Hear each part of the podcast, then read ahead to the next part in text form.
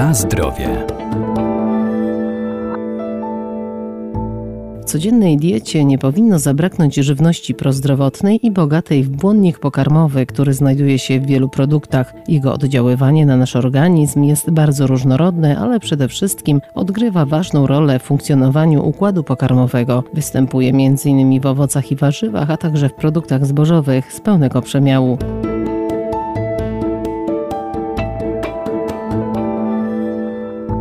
Błonnik pokarmowy oczyszcza i odtruwa nasz organizm do pozostałości komórek roślinnych odpornych na działanie enzymów trawiennych człowieka, które przechodzą przez jelito jako niestrawiona pozostałość. Błonnik m.in. przyspiesza trawienie i pomaga pozbyć się toksyn. Najlepiej szukać go w produktach spożywczych. Bardzo często w dietetyce słyszymy takie hasło jak błonnik pokarmowy. Też inaczej możemy mówić na błonnik pokarmowy włókno pokarmowe. Dietetyk Maciej Pokarowski, Uniwersytet Medyczny w Lublinie. Jest to tak naprawdę grupa związków, które naturalnie występują w żywności. Żeby zrozumieć tą definicję, musimy sobie uświadomić, że błonnik też jest cukrem, czyli węglowodanem. I jeśli chodzi o te cukry, no to mamy łatwo przyswajalne i te trudno przyswajalne. I jeśli chodzi o błonnik pokarmowy, on będzie właśnie takim cukrem trudno przyswajalnym. Mamy też dwie takie e, zasadnicze frakcje, jeśli chodzi o błonnik: rozpuszczalny w wodzie oraz frakcja nierozpuszczalna w wodzie. I jeśli chodzi o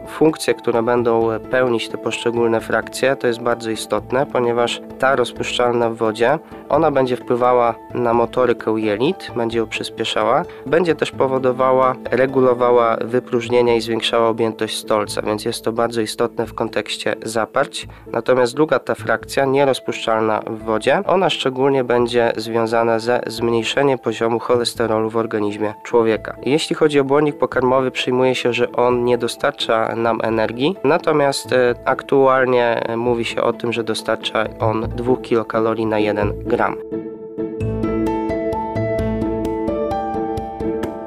Na zdrowie.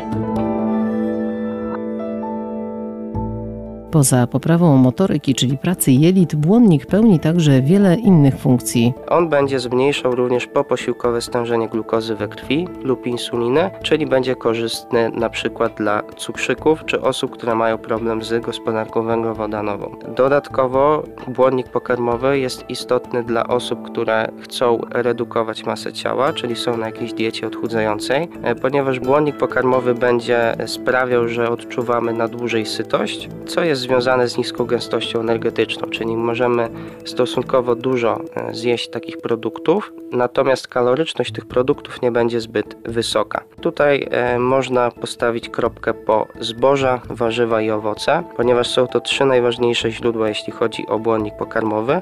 Zboża, czyli mamy tu szczególnie na myśli produkty z pełnego przemiału, z pełnego ziarna, będzie to pieczywo żytnie, pieczywo e, razowe, będą to gruboziarniste kasze, będą to makarony, pełnoziarniste, ryż e, pełnoziarnisty, brązowy, więc tutaj gama produktów jest bardzo duża, natomiast warzywa i owoce również są naturalnym źródłem błonnika. Dodatkowo wszelkiego rodzaju nasiona, orzechy, na przykład e, siemielniane, są to również dodatkowo cenne źródła błonnika. Jeśli chodzi o błonnik pokarmowy, to minimalna taka ilość diecie to powinno być 25 gram, no i to jest ta rekomendowana dawka dla osób dorosłych. Tak jak wspomniałem, błonnik pokarmowy będzie istotny w wspomaganiu leczenia otyłości, w cukrzycy, kamicy żółciowej. Stanowi również świetną profilaktykę e, raka jelita grubego. Bardzo dobrze będzie działało w przypadku zaparć, ponieważ przez to, że mamy tu frakcję rozpuszczalną w wodzie błonnika, ona będzie w naturalny sposób regulowała wypróżnienia, co będzie istotne właśnie w profilaktyce raka jelita grubego i zaparć. W tym celu, żeby błonnik odpowiednio działał na nasz organizm, istotne jest e, odpowiednie spożycie wody. Powinno być ono nawet zwiększone w stosunku do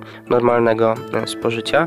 W momencie, kiedy tej wody nie będzie odpowiedniej ilości, e, niestety błonnik nie będzie mógł spełniać swojej funkcji, więc odpowiednie spożycie zbóż, warzyw i owoców, czyli naturalnych tych źródeł błonnika, e, w połączeniu z odpowiednią podażą płynów, mam tu na myśli tak naprawdę wodę, to wówczas będziemy mieli dobroczynny wpływ na nasz organizm.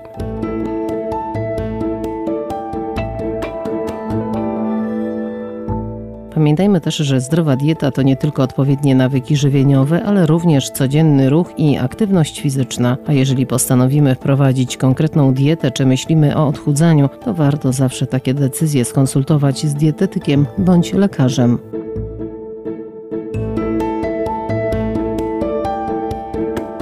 Na zdrowie.